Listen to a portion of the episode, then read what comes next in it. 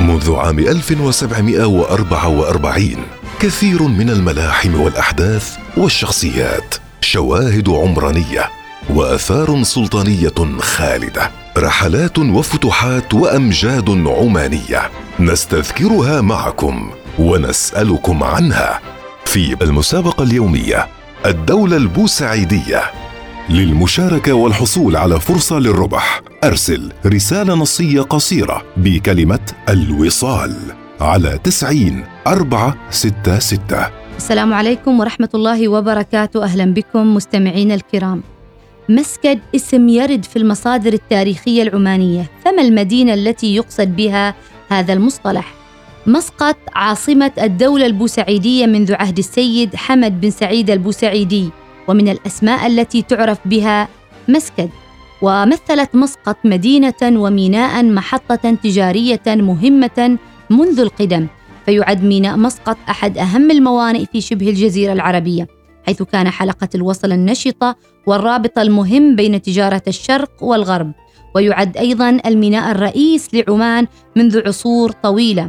وقد أشار عالم الفلك والرياضيات الإغريقية والجغرافيا المعروف بطليموس إلى هذا الميناء الذي قال عنه إنه يقع على الساحل بعد سلسلة جبال حجر عمان الوسطى وأسماه بالميناء الخفي.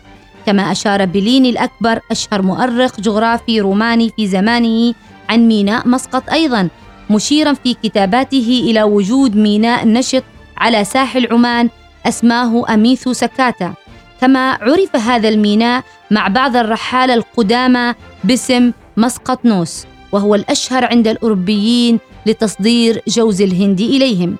عموما يشير المؤرخون والجغرافيون المسلمون إلى أهمية مسقط ميناء ومدينة فالمقدسي في كتابه أحسن التقاسيم في معرفة الأقاليم يقول عن مسقط أول ما يستقبل المراكب اليمنية ورأيته موضعا حسنا كثير الفواكه. وفي كتاب سلسلة التواريخ لسليمان التاجر يذكر أن أكثر السفن الصينية تحمل من سيراف وأن المتاع يحمل من البصرة وعمان وغيرها إلى سيراف. فيعبأ في السفن الصينية بسيراف ثم يقلعون إلى موضع يقال له مسقط وهو آخر عمل عمان. وفي التاريخ الحديث يعد ميناء مسقط البوابة التي انتعشت منها التجارة في عمان والخليج العربي لمكانته وموقعه الاستراتيجي لا سيما في الربع الأخير من القرن الثامن عشر الميلادي. ففي عام 1775 في عهد الإمام أحمد بن سعيد البوسعيدي مؤسس الدولة البوسعيدية مثلت مسقط مركزا رئيسيا للتجارة بين الخليج العربي والهند والبحر الأحمر. وفي عام 1790 في عهد السيد حمد بن سعيد البوسعيدي. أصبح ميناء مسقط هو الموزع الوحيد للسكر وأغلب تجارة البن اليمني في الخليج العربي والمشرق العربي تأتي من ميناء مسقط. عموما لأهمية مسقط الاستراتيجية والجيوسياسية والاقتصادية تعرضت لمحاولات عدة من الاحتلال من قبل المعتدين الخارجيين فحاول احتلالها البرتغاليين والعثمانيين والفرس وآخر محاولات التحرير لهذه المدينة كانت من قبل الإمام أحمد بن سعيد حيث حررها من الاحتلال الفارسي وعين أحمد بن سعيد بن خميس البوسعيدي واليا عليها. وبعد ذلك اتخذها السيد حمد بن سعيد عاصمة لعمان وعين عليها سليمان بن خلف البوسعيدي واليا.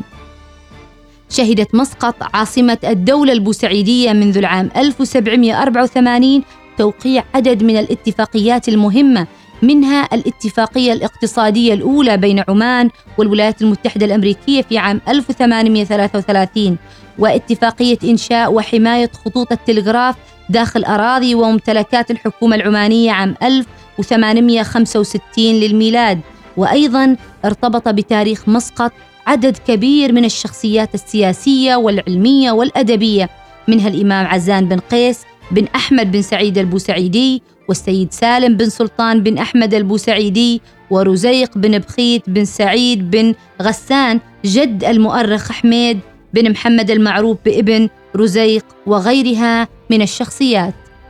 نلقاكم في الحلقة القادمة. المسابقة اليومية الدولة البوسعيدية. مسابقة الدولة البوسعيدية مع الدكتورة أحلام الجهورية.